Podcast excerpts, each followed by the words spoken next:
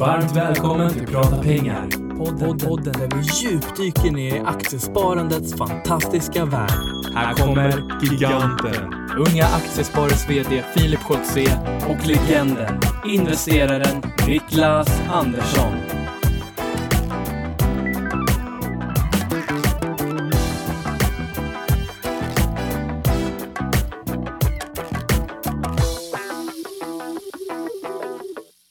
Då säger vi äntligen måndag och varmt välkomna till podden Prata pengar.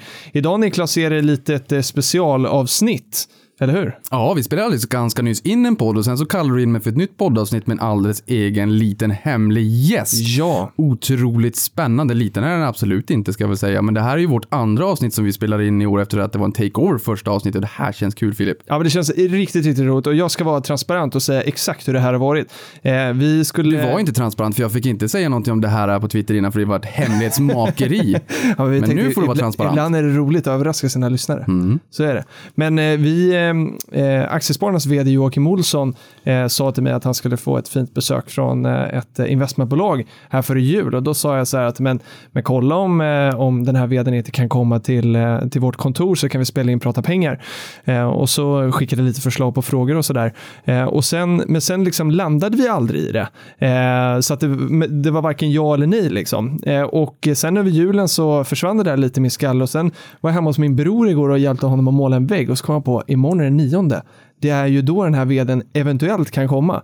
Så att jag ringde ju Joakim och sa så här, tror du att det blir? Och han bara, ja, men förbered dig på det. Och så här då ringde jag in dig Niklas, för vi är jätteglada att det faktiskt blev ett avsnitt. Ja, och min kopp kaffe sitter fortfarande kvar där på jobbet och börjar kallna precis just nu, men det här var värt det betydligt mer än att dricka upp den där koppen kaffe. Så är det. Så vi säger varmt välkommen till podden Prata pengar, Industrivärldens vd Helena Stjärnholm. Tack. Och vi eh, brukar alltid fråga våra gäster om det är poddpremiär och så gjorde vi också med dig, men det var det inte. Nej, jag har gjort, eh, hade vi träffats för ett år sedan så hade jag nog inte haft premiären, men jag har, jag har varit med ett par stycken innan. Kul, då är du, du känns trygg i den här studion i alla fall. Eh, så jättevarmt välkommen. Eh, som du sa för ett år sedan så hade det varit premiär men inte då när vi pratar idag. Eh, och jag tror för många så är du kanske ett, eh, ett ganska färskt och nytt namn i, i, liksom, i den offentliga aktievärlden, kan man säga så. Eh, vem är Helena? Ja, Helena är eh, en person som har varit vd på Industrivärden i drygt ett år och innan dess så, så jobbade hon 17 år i riskkapitalbranschen på IK Investment Partners. Eh, ekonom i bakgrunden, född och uppvuxen i Värmland. Det låter jättebra. Jag gillar Utsocknes, jag kommer från Norrbotten själv och Värmland. Kan det vara Karlstad till och med?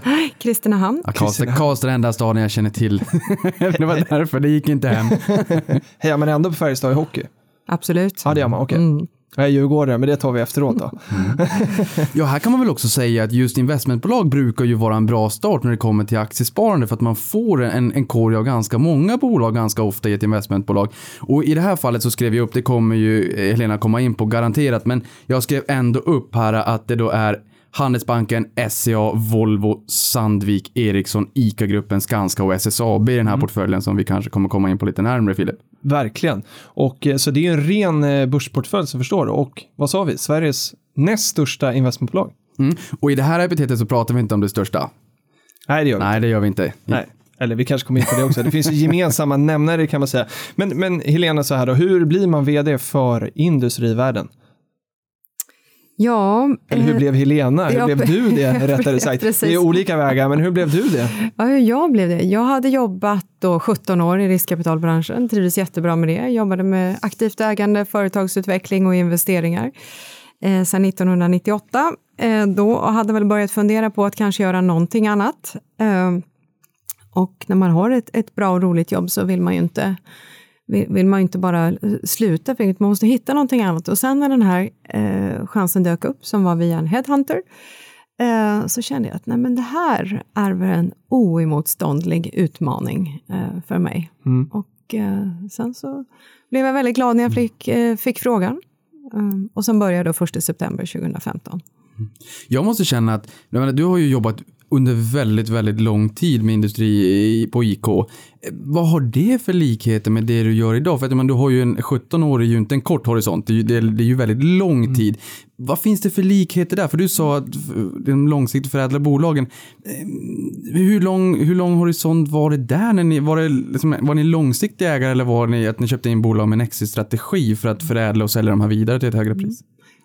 Det där tycker jag är en, en väldigt bra fråga, för att jag, jag får frågan ibland om, om, och man fick ju alltid frågan när man var riskkapitalist, ja men ni är ju så kortsiktiga, och ni ska ju köpa ju för att sälja. Men, men jag tror ju att om man har liksom investerarhatten på sig, oavsett om man är så att säga har en väldigt lång ägarhorisont, vilket vi har nu när jag är på industrivärlden, så tror jag att det är väl, att om man analyserar ett bolag eh, och börjar med bolaget och inte aktien, det är väldigt svårt att se längre än kanske tre till fem år. Fem år. Du kanske kan gå till sju år. Det beror lite på bransch och situation. Sådär. Men jag tror att ungefär så långt kan man blicka. Man har diskussionen mellan ägare, man har styrelse och man har ledning. Och så sätter man lite mål. Här är vi idag och där vill vi vara om tre till fem år. Och sen händer det massa saker och det blir nästan aldrig exakt enligt plan. Men jag tror att det där sättet att jobba är väldigt, väldigt bra, även om man har en längre ägarhorisont än 3 till 5 år. Så jag tycker man kan skilja lite på dem. Och när jag jobbade då på IK, som du sa, i, i 17 år, där var det ju så i och med att vi hade en fondstruktur och vi låste in investerarnas pengar, så hade man en fond som var 10 år, eh, ofta med möjlighet till tre års förlängning. Då var man ju tvungen så att, att ha ett exit-horisont inom den här tid ramen också. Du köpte ju inte alla bolag dag ett, vilket gör att investeringsperiod på fem och sen hade du fem plus tre år. Då. Så då blev den här femårshorisonten eh, väldigt, väldigt eh, tydlig. Men jag tycker att mycket av det eh, sättet att se på bolag och utvärdera bolag är väldigt relevant även om man har, som nu då på industrivärlden, en väldigt mycket lång, längre ägarhorisont. Vad- att, eh, vad, vad är den största skillnaden där? För, för oss som är, som är unga aktiesparare så känns hela den här riskkapitalvärlden, det känns lite som att där, vi har inte tillgång till den. Det skrivs lite om den ibland och lite mytomspunnet och nu är det på industrivärlden som är väldigt publikt. Vad, vad är din bild av eh, den största skillnaden? Ja, alltså det här med att, eh, att både bolagen, så att säga, både riskkapitalbolagen och innehaven är onoterade, gör ju precis som du säger, att det finns mycket mer begränsad information. Sen ska man komma ihåg, när jag började där då, det börjar ju snart bli 20 år sedan då, eh, det är klart att då var det ännu mindre information. Jag tror de flesta som jobbar i riskkapitalbranschen upplever att idag är transparensen mycket, mycket högre än vad den har varit, så det går åt den riktningen. Och speciellt i sådana här tider, eh, när det nu har varit ett väldigt, väldigt bra börsklimat för börsintroduktioner, då förbereder ju riskkapitalisterna bolag för börsintroduktioner och då måste man ju rapportera på samma sätt och då ökar transparensen. Men du har ju helt rätt i att man kommer ju inte åt som privatperson Nej. och privatsparare kommer man ju inte åt varken att stoppa in pengar Nej. i fonderna, för det krävs väldigt höga eh, minimibelopp. Och dessutom så är det ofta så att man vill ha så att säga, professionella investerare ur ett ansvarsperspektiv. Man har inte licens att sälja till eh, privatpersoner. Så att, ja, det är ju en liten annan. Sen finns det ju vissa eh, investmentbolag eller utomlands, även riskkapitalbolag som är noterade. Så där kan man ju få exponeringen. Men det stämmer ju helt som du säger att det är en svår, utifrån svårare att analysera. Men jag tänker på IK där, satte ni någon gång bolag på börsen snarare än att hålla dem de här tio åren? Eller som du sa, ibland är det ju inte alltid tio år för man köper då inte dag ett. Men eh, var det så att ni gjorde en exit i, i slutet där när den skulle likvideras den här fonden eller var det så att ni faktiskt till och med satte något bolag på börsen? Ja, eh, IK har satt ett antal bolag på börsen, bland annat Intrum Justitia, Oriflame. Oj, vad pinsamt. Nu vet jag att vi kommer prata Intrum och, och Intrum Lindorff här. Men, men jag känner så här att IK, namnet IK, det, det vittnar ju, eller det- det- in, Industrikapital vittnar ju om vilken typ av bransch det är i bolagen då, i portföljen som, som bolaget jobbar med. Är, finns det någon likhet mellan den typen av bolag som ni specialiserade er på där kontra eh, industrivärlden? Ja, jag skulle säga generellt sett, de flesta, om jag liksom generaliserar lite grann, för IK var ju, eh, hade nordisk, nordiska rötter, men, men huvudkontoret i London och var en europeisk firma när jag, när jag lämnade. Men om man tittar, man ändå kallar nordiska bolag som EQT och Nordic Capital och Altor och det finns ju en hel mängd duktiga och även eh, mindre väldigt eh, många duktiga där också. Och, eh, och Nordisk Private Equity har ju varit väldigt eh, en väldigt framgångsrik modell. Ehm, och, och där kan man ju se eh, ganska tydligt, tycker jag, att, att, att eh, man har inte haft ett branschfokus, utan man har haft ett geografiskt fokus. För speciellt på lite mindre bolag eh, så är de flesta, det är inte tillräckligt stort. Om du har en, lite, en, ändå en mellanstor fond och så ska du göra, jag vet inte vad vi ska ta, eh, ja, vård och omsorg då, eller healthcare till exempel, i Norden, ja, då kommer det kanske en transaktion om året och du kommer inte att vinna alla och då gör du en var tredje år. Och då kommer du inte hinna så att säga att sätta de här pengarna som du har i din låsta fond i arbete. Om man tittar på amerikanska riskkapitalmarknaden, där är det vanligare att du har specialistfonder för en viss bransch. Så jag skulle säga att om du tittar på alla nordiska och de flesta, väldigt många europeer också, är ju inte branschspecifika riskkapitalfonder. Sen kan det finnas i, i tidigare skeden, Eh, läkemedel finns, det finns vissa medtech, det finns IT eh, och så. Men de flesta är generella, så på så sätt är det ju väldigt likt industrivärlden där vi också är en generalist. Mm. Det viktiga är att hitta rätt case. Tror vi att vi kan, och i riskkapitalbranschen är det dessutom absolut avkastande. Där jämför man ju inte med index på samma mm, sätt. Vilket gör att det viktiga blir att hitta rätt case, att hitta det här bolaget, förstå vad är det som kommer, vad är det för värdedrivare? Hur kan vi, jag brukar alltid säga så här, om man kom till investeringskommittén, hur ska du kunna fördubbla vinsten på fyra till fem år? För om du, om du antar samma multipel in som ut, alltså mm. entry som exit, och sen får du lite hjälp av kassaflödet och betala ner skulder så du får lite hävstång. Men om du fördubblar vinsten, då kommer du fördubbla värdet lite enkelt mm. mm. uttryckt. Det, det, där tycker jag är jättebra. Mm. För, för det har vi tjatat om många gånger här i podden, liksom att 15% fördubblar eh, kapitalet vart mm. femte år eller 15% vinst fördubblar vart femte år. Och när du säger här investeringskommitté så blir jag lite nyfiken. För de av, de eh, av våra lyssnare som sitter hemma och lyssnar på det här nu, hur går det till med en investeringskommitté? Är det så att man, man har eh, en affär som man har blivit varse om och kommer in och, och pitchar den här? Va, vad ingår i en sån här pitch egentligen? Va, vad säger man? Ehm, jag har ju själv både så att säga lagt fram eh, olika case för mm. investeringskommittén och även varit en medlem i investeringskommittén mm. de sista åren. Du har båda sidorna. Ja, precis. Så att man, man blir lite olika perspektiv mm. kan jag tala om. Eh, nej, och på IK var ju dessutom en europeisk firma, så det kunde ju vara ett franskt bolag eller ett tyskt eller så vidare. Um, nej, men man går, man går ju dit. Det handlar väldigt mycket om branschen det handlar väldigt mycket om, eftersom när man är investerare, det vet ju ni som också jobbar med investeringar, om man inte har stoppat in, då kan man ju välja bransch. Mm. Är man ett industribolag, då är man där och ska göra så bra man kan inom det området man är. Sen kan man sälja divisioner eller göra... För, för. Men om du sitter som investerare ska du ju inte bara välja bolag, du ska välja bransch. Mm. Och har du då, precis som du mycket riktigt ut, uttryckt det. Men riskkapitalbranschen ligger väl fortfarande någonstans, skulle jag gissa, i de flesta investeringskommittéer mellan 15 till 20 procent årlig avkastning som du ska mm, visa i mm. caset. Så det är en ganska lång branschbeskrivning. Eh, sen är det en lång beskrivning av bolaget, hur det ser ut idag. Och då är det allt från eh, hur ser produktionsstrukturen, det producerande, hur ser, inte alls bara finansiella nyckeltal, utan en, en rejäl beskrivning. Man har ju gjort en så kallad due diligence innan och det kanske, det är ju om inte heltid så inte så långt ifrån i ett antal månader när man tittar på fabriker, träffar personal, eh, går igenom eh, all upptänklig information på allt från miljö, finans och så vidare. Eh, och så beskriver det här bolaget, men sen kommer ju en väldigt, väldigt viktig del, det är ju när du ska beskriva vad du ska åstadkomma med bolaget. Mm. Okej, okay, så här ser det ut idag. Men hur ser nu planen från idag till om, det är oftast mm. en femårsplan, hur ser det ut?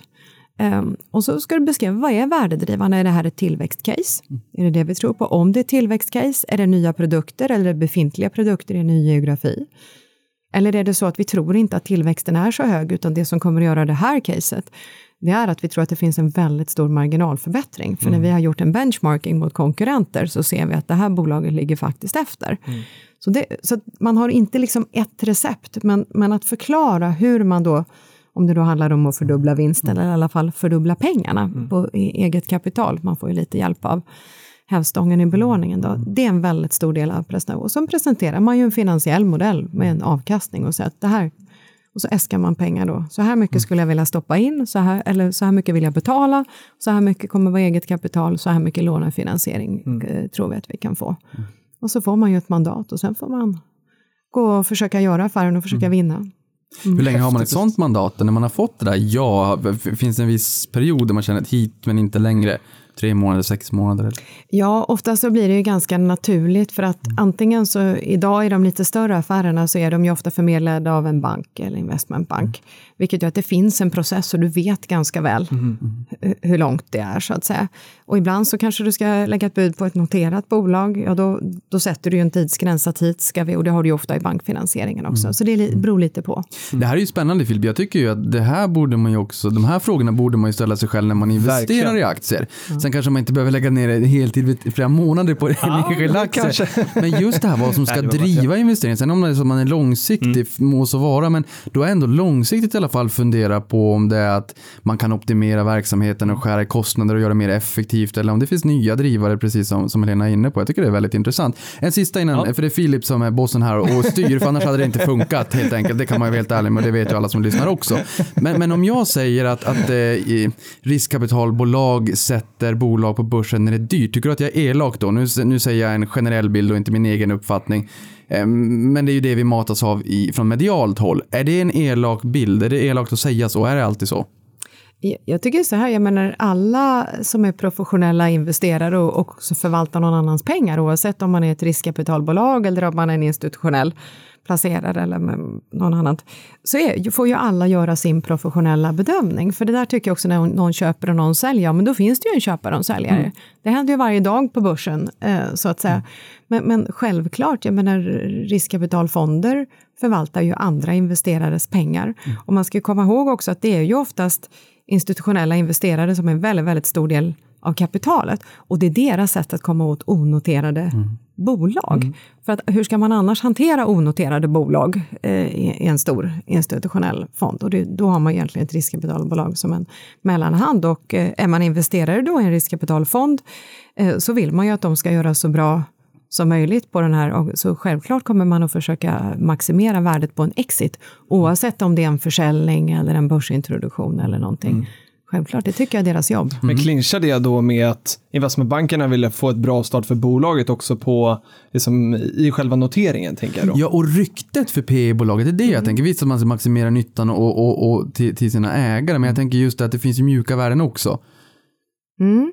Men eh, då tycker jag ni ska titta lite grann eh, på hur det har gått för de här, för nu, nu har vi ju väldigt bra statistik Mm, de senaste åren.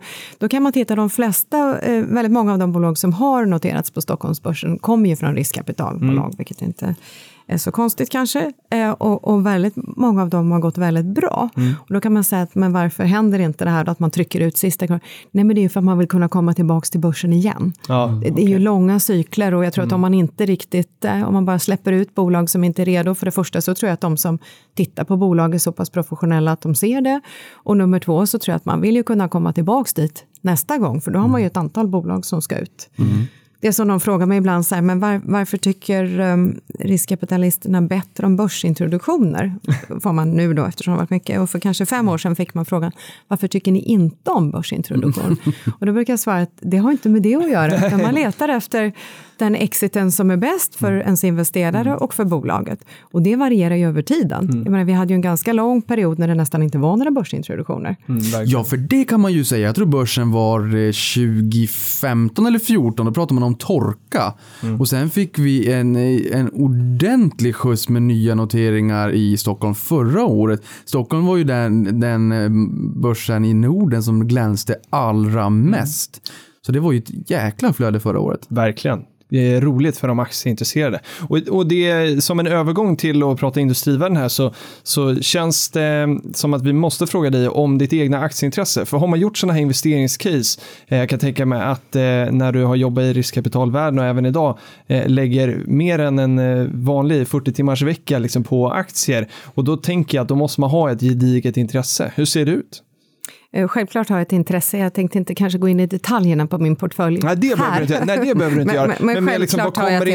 intresset ifrån och hur länge har du haft det? Och, Nej, men jag har väl alltid varit intresserad utav, utav bolag och verksamheter och sånt. Sen när man jobbar i riskkapitalbranschen då stoppar man ju in väldigt mycket pengar av sina egna pengar i onoterade eh, aktier. Så det är klart, jag har ett ägande på, i både onoterat och eh, noterat eh, sedan många, många år.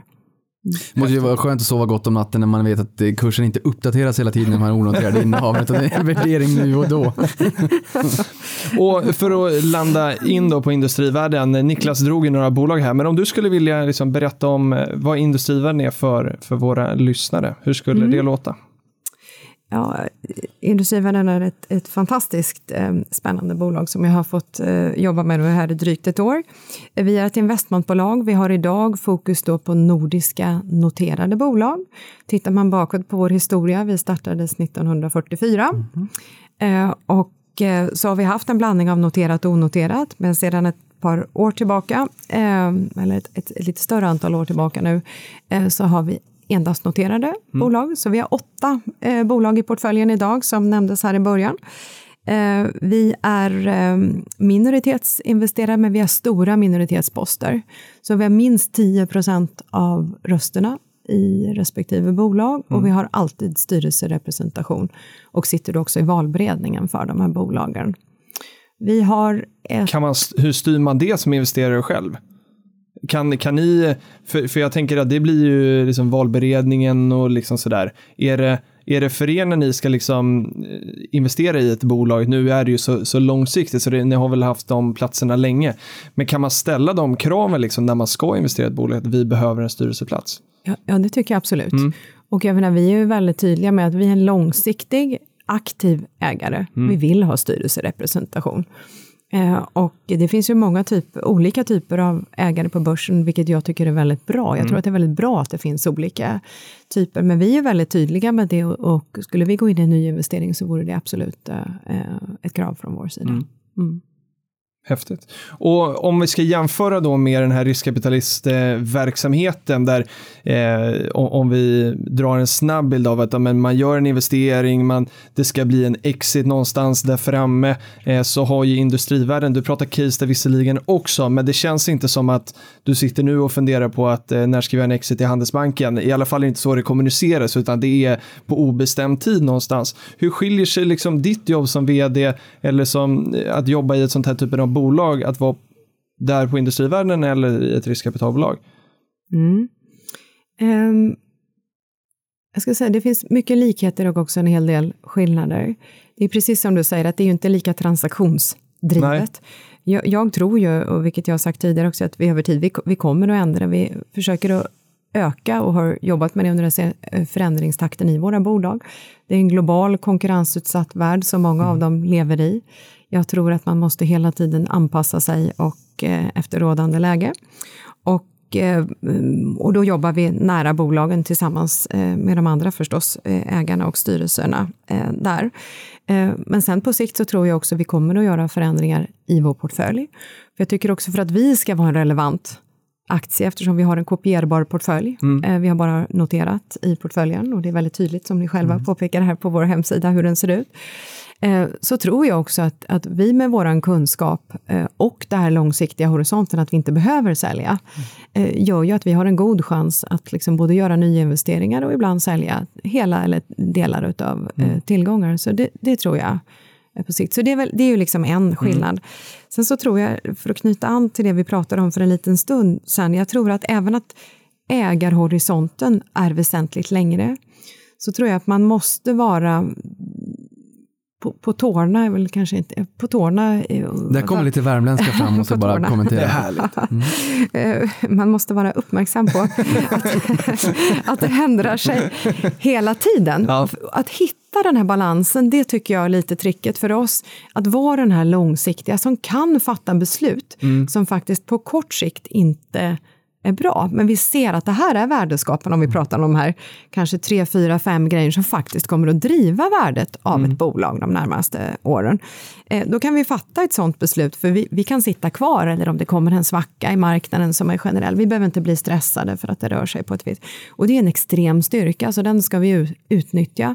Men, man får inte, eh, men, men när man har sagt det så får det inte bli så för att man äger bolagen så länge så är det känner jag i alla fall att risken är att man blir inkrementell. åh, nu kommer ett ny, nytt kvartal tre här. Mm. Så har man en jättelång historik och så jämför man det då med kvartal två och med kvartal tre föregående år. Och så tittar man, ja visst det, men nu gick det lite bättre eller nu gick det lite sämre. Men det man behöver göra till ett sånt ett, det är ju liksom att lyfta på blicken och säga att okej, men gör vi rätt saker idag Mm. för att vara där vi vill vara om några år. För jag menar en produktutveckling, bygga en fabrik, flytta någonting, eh, göra ett tilläggsförvärv, sälja. Det gör man ju inte över en natt. Nej. Utan det kanske tar ett år eller två eller tre eh, till och med eh, att, att jobba med. Så att, att hitta den där balansen, eh, det tycker jag för oss är en viktig uppgift. Och skillnaden där också för, för våra lyssnare som är som privata investerare, om, om vi inte gillar ett bolag så ja, då kan vi ganska enkelt sälja det liksom, i vår portfölj. Eh, och medan för er då som har, eh, ni sitter lite fast i er portfölj, jag försöker liksom ge någon form av zombie, även om det är klart ni kan sälja, men, men ni säljer ju inte över en dag bara för att ni slutar tro på Handelsbanken. Men ni har ju privilegiet att liksom kunna vara med och påverka i de här bolagen. Hur jobbar ni med de här portföljbolagen? Hur nära är ni? Mm. Nej, men det är ju en jätterelevant fråga och något som jag själv funderade på eh, när jag sa ja till det här jobbet. För att jag tycker att det är viktigt om man ha, ska ha den här, ska man vara en aktiv ägare, då måste man ju också ha Inte bara rösta med fötterna. Nej, utan- precis, och man måste ha de här verktygen och liksom eh, påverkansmöjligheten. Eh, Men, men det uppfattar jag att vi har och då kommer man tillbaks till det där att som en stor ägare och vi är största eller näst största och minst 10 procent av rösterna i, i samtliga bolag. Eh, då, får man, då, då kan man få en styrelse, precis som du säger, det har vi haft dem länge, men det tror jag även är en, är en ny, så att säga. Då får man en styrelseplats, men man får ju definitivt också en plats i valberedningen. Så jag sitter ju själv i tre stycken eh, valberedningar då, eh, som ordförande och då jobbar ju vi eh, på det sättet att, eh, att vi jobbar tillsammans med de andra stora ägarna. Det är oftast de fyra största kanske ägarna då som är representerade och bolagets ordförande. Och då tittar man ju på hur ser bolaget ut? Eh, vad tror vi man ska göra de här närmaste åren? Vad behövs då för kompetenser? Hur ser styrelsen ut idag? Och så letar vi personer. Så även om vi har kanske en representant då som är ifrån oss, från, från industrivärlden som bolag, eller, eller vår styrelse har vi flera stycken som sitter i innehavsbolagen. Men, men oftast är det ju kanske upp mot tio ledamöter, så jobbar vi ju tillsammans med de andra och hittar relevanta personer. Um, och så det, det är ett väldigt viktigt, så det är liksom det första steget genom valberedningen. Och sen när vi sitter i styrelsen, då, då, och där har ju vi också, tycker jag, en lyx på det sättet, eh, till skillnad mot många andra investerare. Vi har ju en organisation, vi är drygt 20 stycken på ett kontor. Vi lägger ju oerhört mycket tid på att analysera de här bolagen, deras marknader, deras konkurrenter. Vi har också bra tillgång till den analys som finns på de här bolagen. Eh, Vi kan liksom bilda oss en uppfattning om kunder och, och för att sen kunna liksom göra en ägaragenda och säga att det är de här sakerna vi vill driva. Men sen får ju vi jobba i styrelsen som alla andra. Vi kan ju inte komma... För jag tror att det är viktigt också, det är väl där man ska hitta den där mm, balansen, för vi måste ju, man ska vara en aktiv och engagerad och påläst ägare. Men samtidigt så tycker jag ju att den här modellen som vi har, och jag har jobbat en del i andra, med utländska bolag också, som vi har i Sverige, där man skiljer på, här är ägarna, årsstämman och så vidare, här är styrelsen och sen är det bolagets ledning och, och, de, och de har olika funktioner och det är ganska tydligt vem som är vem. Det tror jag är väldigt, väldigt bra i den svenska styrningsmodellen och det är något vi ska värna. Så att, mm, igen får vi ju hitta balansen av att vara aktiva och engagerade men också respektera den här äh, ordningen. Så att säga. För jag, jag tror verkligen, visst vi är en liten hemmamarknad, en öppen ekonomi. Vi har många bolag som tidigt gick ut i världen ehm, och väldigt exportdrivna och det har vi ju fortfarande idag. Eh, det är en stor förklaringsfaktor till att vi har många framgångsrika eh, stora bolag. Men faktiskt också den här styrningsmodellen eh, tror jag har varit bra. Häftigt. Ja, tycker, Niklas, nu, nu har du massa frågor tror jag. Här. Ja, nej, men det har jag väl, för det kan man väl säga att vi har ju Sveriges största investmentbolag Investor som grundades 1916 och firade 100 år förra året. Sen hörde vi Lena berätta här om att eh, ni grundades 1944 och jag tänker mig att just Investor bygger väl i min bok på det är mycket tradition, de bolagen har funnits under lång tid. Det kan jag tänka mig många av innehaven som ni har också har. Men har ni en, en mera distans till era bolag? Skulle man kunna tänka sig att det på agendan framåt kommer en fråga om huruvida man ska göra en exit i ett bolag? För det känns spontant som att det sitter längre in hos Investor. Kan det vara så? Alltså- nu behöver du inte kommentera just Investor, Nej, jag men, men, men, Jag avstår nog kommentera. ja, men, men, men just, finns det på agendan hos er att eh, eventuellt avyttra något innehav? Eller sitter det väldigt långt in det också? Alltså, jag kan ju inte sitta här och Nej. peka ut bolag. Så, Nej, nej, definitivt inte Nej, vilket precis. bolag så. Men, men, men resonemanget, absolut. Jag tror att vi ska titta, och det, kan, det har väl hänt i andra investmentbolagsportföljer också, att ibland så blir det eh, strukturer och konsolidering i en bransch, eller det händer olika saker. Någon annan kanske är en bättre ägare. Det passar bättre i en annan konstellation. Det kan vara ett helt bolag, det kan vara en del av ett bolag och så vidare. Så att, ja, det ser jag inte som uteslutet. Nej, och man kan väl säga att den portföljen så som den ser ut idag är ju industritung. Eh, sen var det inte alls allt för länge sedan som man gick in i ICA. Eh, och det får man väl ändå säga är mera konjunkturokänsligt. Kan det, nu kan du inte svara på det här heller i och för sig, men skulle det i teorin teoretiskt kunna vara så att man går lite mera mot att få upp en balans när det kommer just till, till cyklikaliteten i industrivärlden? Bortsett från namnet industrivärlden. Ja, eh, jag, jag kan faktiskt svara på din fråga. Ja, bra. För jag ska börja och säga att eh, det är ju faktiskt om man tittar, nu varierar det lite grann, men, men under den tiden jag varit där, så att Handelsbanken och SCA tillsammans, vilket var de två största innehav, är ju ungefär hälften av portföljen. Så att perceptionen kring, och, och sen har vi dessutom ICA, eh, som du säger, och sen Ericsson eh, har ju liksom en annan cykel.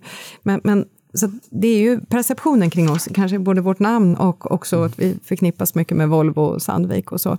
Men, men den är faktiskt inte portföljen så verkstadstung som, man, som, fakt, som även jag utifrån från utsidan hade.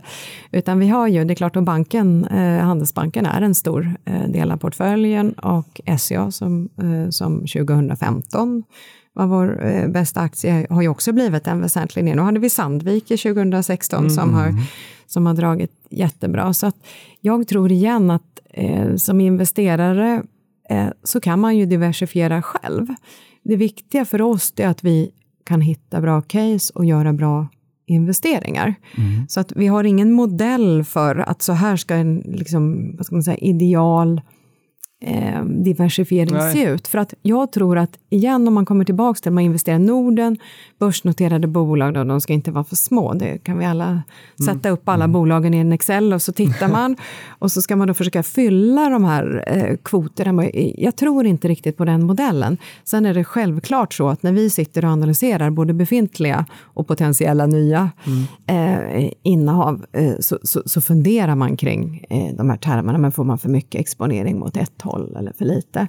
Men, men jag skulle säga att vi har inte en sån liksom en målsättning att det ska se ut på ett visst sätt. För att jag tror också man, man ska hitta de här eh, casen där man ska försöka göra en större skillnad. Då, då, då kan man inte snäva in sig för smalt i en så pass liten marknad som Norden, Norden är. Men hur, eh, det här rabatten var du inne på tidigare och eh, för nu, och det här med diversifiering är jätteintressant. Eh, för det, vi, vi pratar jättemycket om det och Aktiespararhuset som vi sitter här i, eller huset med kontoret, så trummar vi alltid 10-15 bolag i 56 olika branscher och det är intressant att höra när man går utanför. Men, men i och med att ni har en, en ren börsportfölj så har ni ju också något som kallas då substansrabatt. Eh, handlar man i industrivärlden så får man lite innehaven för lite billigare pengar när man köper det på börsen. Vad, vad är din syn på det här med rabatt och är det liksom viktigt att den är, ska den vara som den har varit eller vill du jobba ner den? Eh, och sen liksom, varför finns rabatten där tror du? Eh, Jag tror att om, om, om, vi, om jag börjar på din början av frågan. Där, vi har sagt så här, jag, vi har tittat mycket på det och när jag kom in så tittade vi väldigt mycket på kapitalförvaltning ur ett bredare perspektiv och eh, olika kapitalförvaltningsstrategier och inte bara i Sverige utan ur ett internationellt eh, perspektiv. Och eh, just investmentbolag är ju, finns ju ganska sparsamt i många, eh, i många, i många länder, i många marknader. Eh, Så det är, det är lite speciellt. Men jag tror att vårt huvudfokus, och det vi fokuserar på också internt, eh, det, det är ju substansvärdet. För att jag tror att rabatten, och det kan man ju se om man tittar, det har ni säkert gjort också historiskt, så, så blir det ju också lite cykler och, och man kan se att ibland rör sig alla investmentbolag tillsammans, ibland spretar det ut lite grann. Utan jag tror så här, att gör vi ett gott jobb, då kommer inte rabatten, den, den kan nog bli stor av andra anledningar, men, men då, då, jag tror inte det vi ska fokusera på, utan om vi sköter bolagen väl och gör kloka investeringar, Sen tror jag kanske att rabatten, det, det, blir ju lite av sig själv. Det finns ju ganska mycket aktieanalytiker. Mm. Det kom en rapport i morse, ja. inte minst då.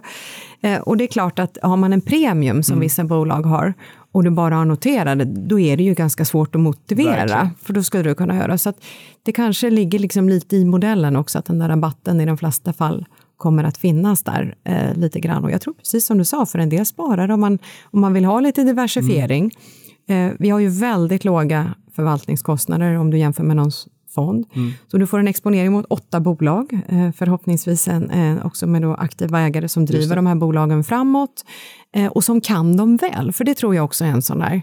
Vi kan ju våra, vi har så få bolag och mm. vi har ett antal personer, så vi kan dem väl. Och över tid så hoppas jag ju också på att vi kommer att eh, förändra den här portföljen. Mm. Och det tror jag är liksom caset då. Då får du ju din rabatt där på både aktierna och utdelningarna då mm. egentligen.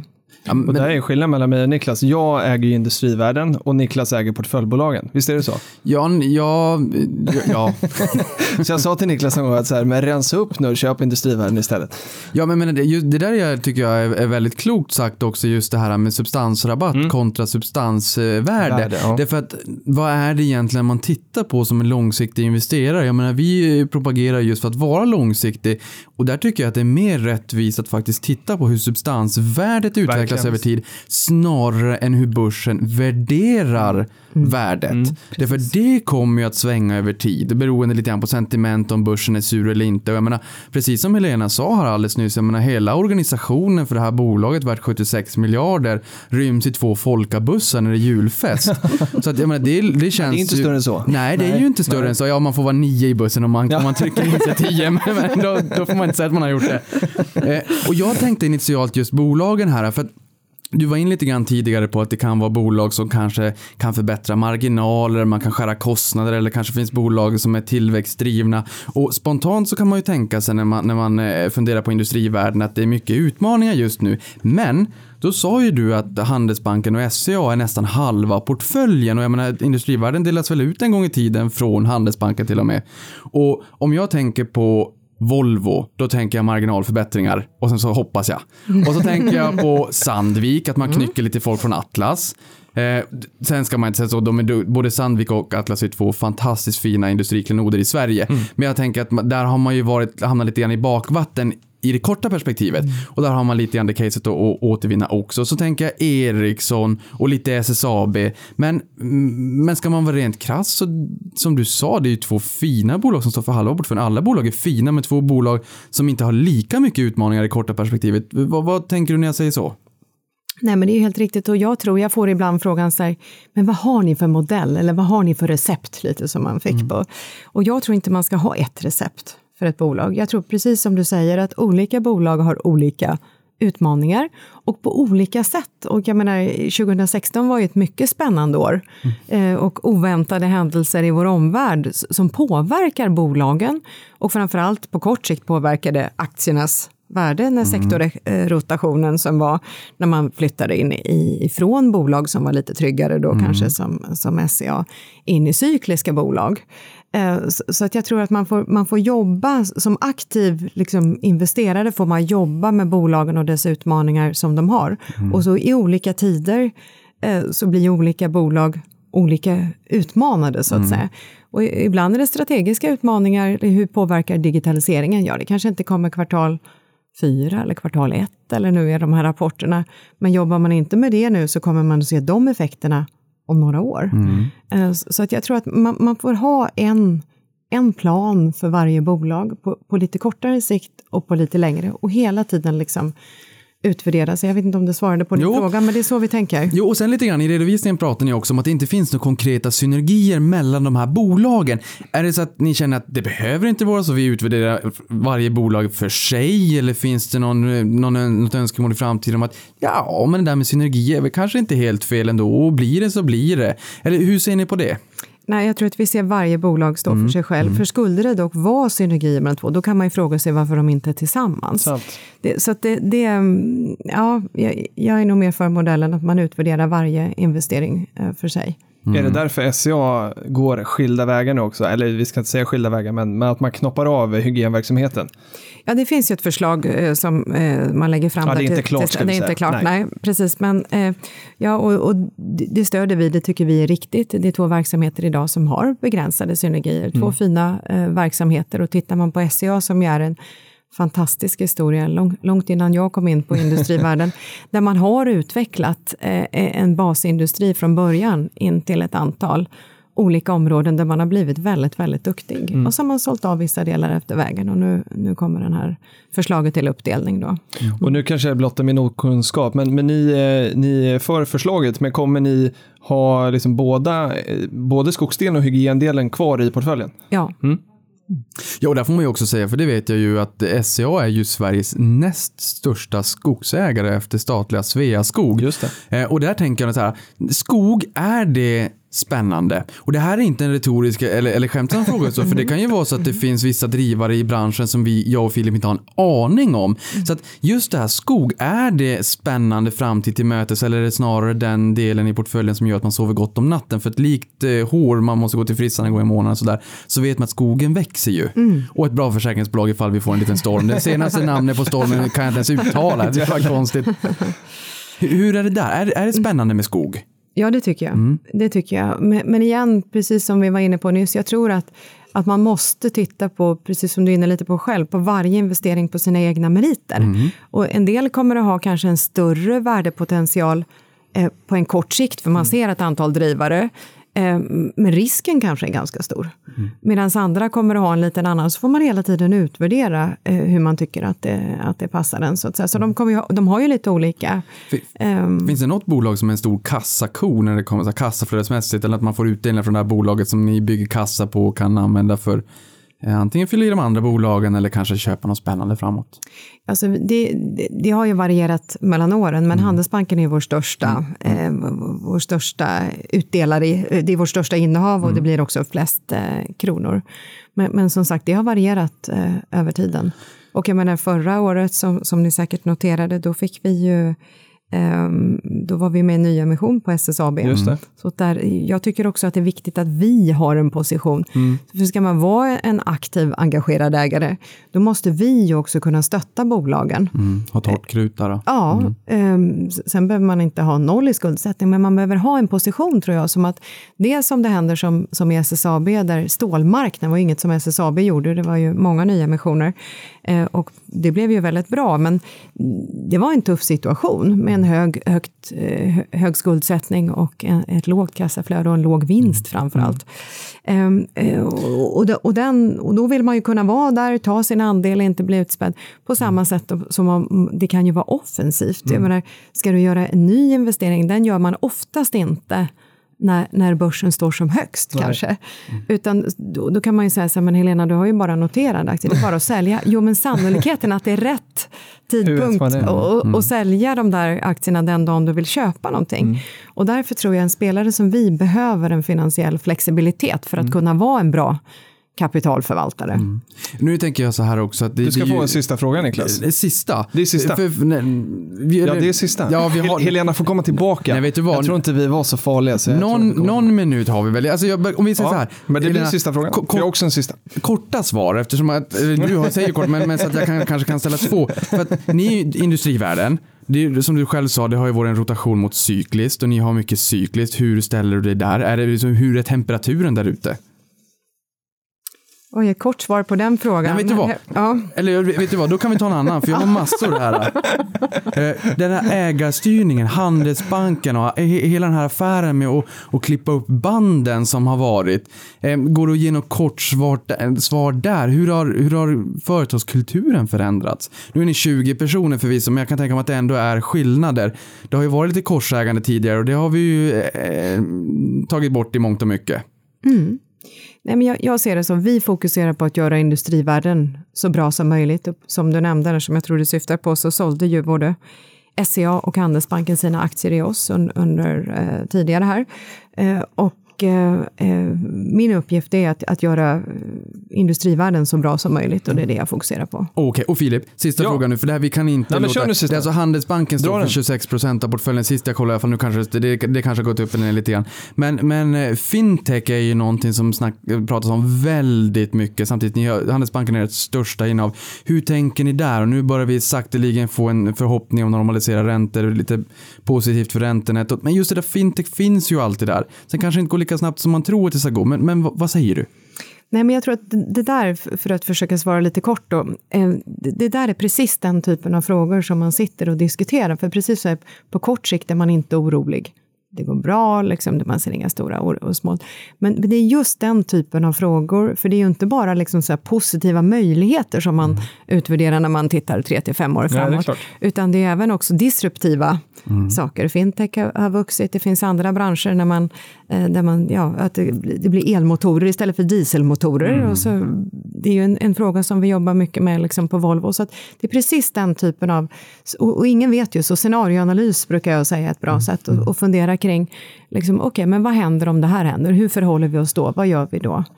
Um, så det, det är en väldigt relevant fråga. Kul. Och den här frågan tänker jag inte ställa nu, för det har jag inte tid med. Men den frågan jag inte tänker ställa, men som jag hade ställt, det är att ni säger att ni kunna investera i nordiska bolag och just nu så är portföljen blågul. Och om det i sådana fall är så att ni investerar i ett annat nordiskt land och vilket land det i sådana fall blir, det återstår att se i framtiden. Ja, vilken bra cliffhanger Niklas. Och jag ska dra min sista fråga jättekort, för jag lovade vår kollega Du Tove- kan få tillåtelse att ta en sista Ja, fråga. jag får det va? Jag lovade så här att för nu när du har varit med i den här podden så är jag säker på att du kommer bli förebild för jättemånga av våra lyssnare. Eh, och det är det för oss eh, redan. Så att Tove ville skicka med frågan, vem är din förebild?